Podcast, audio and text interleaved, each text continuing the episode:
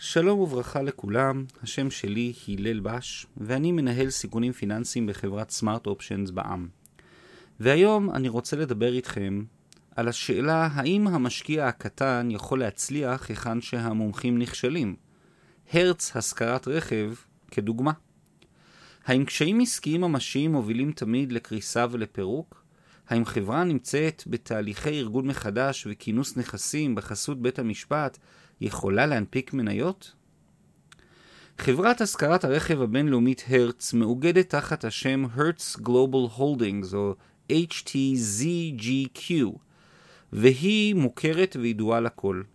החברה פיתחה במשך כמאה שנים תדמית טובה מאוד של שירות איכותי ומסור, רכבים חדשים ומאובזרים ומועדון לקוחות מפנק.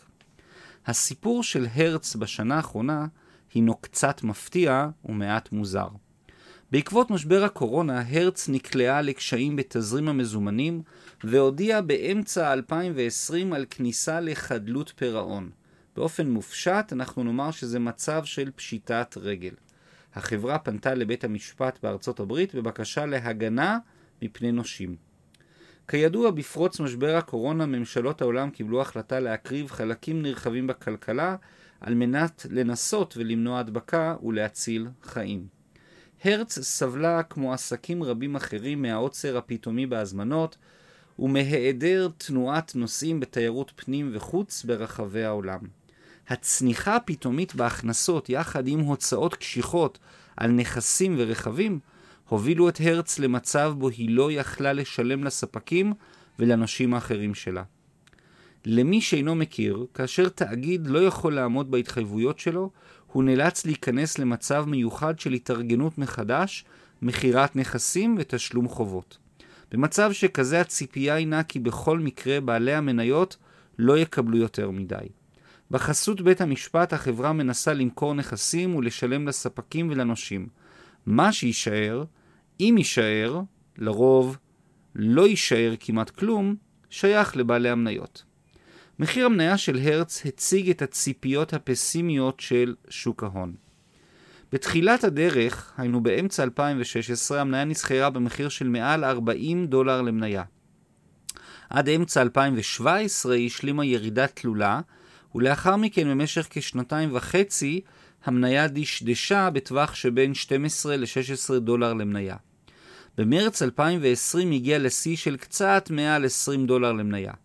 באופן לא מפתיע, מאז ההודעה הדרמטית שלה היא החלה בצניחה חופשית, ולאחר הפנייה לבית המשפט באמצע 2020, מחיר המניה הגיע לכ-70 סנט למניה. אבל בניגוד לציפיות של אנשי המקצוע המנוסים, מחיר המניה החל פתאום לעלות. וזאת בזכות פקודות קנייה שהגיעו בעיקר ממשקיעים קטנים ובינוניים. משקיעים אלו בחרו לשים את כספם בהשקעה די מסוכנת של חברה הנמצאת בהצהרה מפורשת בקשיים ממשיים. מנגד, שחקנים מרכזיים בשוק ההון מכרו את כל החזקותיהם במניית הרץ. המיליארדר קרל אייקן מכר קרוב ל-55 מיליון מניות של הרץ, שהם כ-40% ממניות החברה, במחיר של 72 סנט למניה.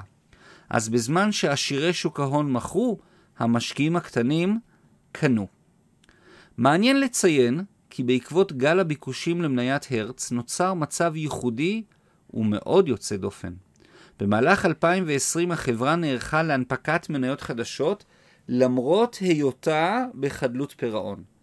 זה מאוד מוזר לשמוע על חברה שביקשה הגנה מפני נושים, שבמקביל מצליחה לארגן הנפקה לציבור של כמיליארד מניות חדשות. הכסף שהיה צפוי להתקבל היה אמור לשלם חשבונות משפטיים של הרץ ולתת לה קצת אוויר לנשימה. החברה החלה למכור מניות במחיר של כשתי דולר למניה, עם אזהרה חמורה שמניות אלה נמצאות בסיכון משמעותי וכי מחירם עלול לרדת לאפס. למרות האזהרה, הרשות לניירות ערך האמריקאי, ה-SEC, החליטה לעצור את תהליך מכירת המניות. עד להחלטה של הרגולטור, הרץ גייסה כ-30 מיליון דולר ממניות. כתוצאה מביטול ההנפקה, הרץ נאלצה לקחת 1.2 מיליארד דולר כהלוואה ממשקיעים מוסדיים, קרנות פנסיה, חברות ביטוח וכו'. אז מי צדק?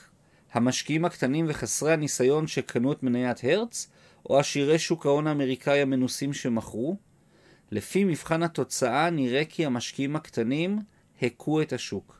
לאחרונה נודע כי הרץ נמכרה למשקיעים מוסדיים שמתכננים להוציא אותה מחדלות פירעון ולהחזיר אותה לשגרה עסקית מבורכת.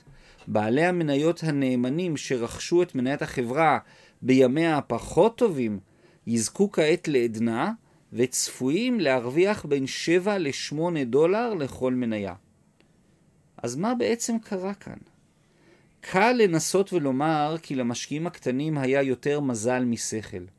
ואולם בחינת הנושא לעומק מעלה שהיו סיבות טובות להאמין שהרץ תצליח לצאת מחדלות פירעון ומפשיטת רגל.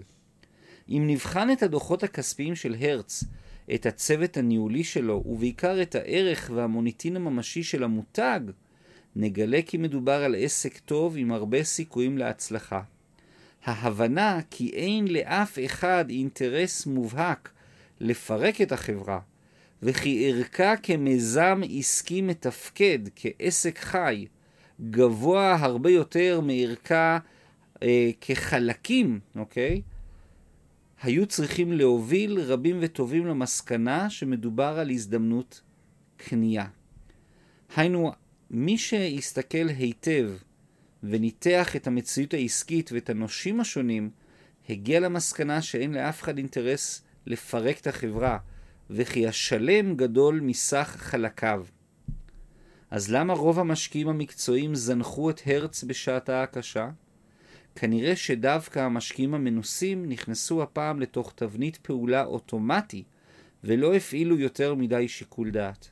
הניסיון המצטבר מראה כי כאשר חברה נקלעת לקושי תזרימי מהותי ונדרשת לבקש מבית, המש... מבית המשפט הגנה מפני נושים, סיכויי השרידות שלה מאוד נמוכים. כך אירע פעם אחר פעם אחר פעם אחר פעם. זה נכון ומדויק. אבל הפעם הניסיון של העבר האפיל על ההיגיון המימוני, על ניתוח דוחות כספיים, על בחינה מעמיקה, והוביל רבים וטובים למכור את מניית הרץ בחיפזון. בסופו של דבר הסתבר כי הרץ הינה היוצא דופן, וניתוח מעמיק של מצבה כנראה היה מגלה מראש סימנים חזקים לכך. למרות הנוחות הרבה של ניתוח האירועים בדיעבד, יש כאן מסר חשוב לכל משקיע קטן כגדול. חשוב מאוד להבין ולהפנים את ניסיון העבר המצטבר, אך חשוב לא פחות לבחון את הדברים לעומק בצורה ממצה ובהיגיון בריא. המשקיעים הקטנים השתמשו בהיגיון עסקי ומימוני והרוויחו.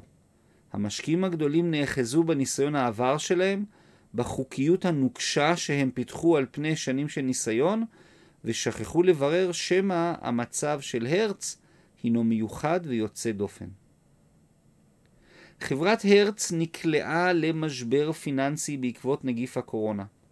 בעקבות קשיים תזרימיים ממשיים היא פנתה באמצע 2020 לבית המשפט וביקשה הגנה מפני נושים. משקיעים גדולים ומנוסים מיהרו להספיד את החברה ומכרו את כל מניותיהם.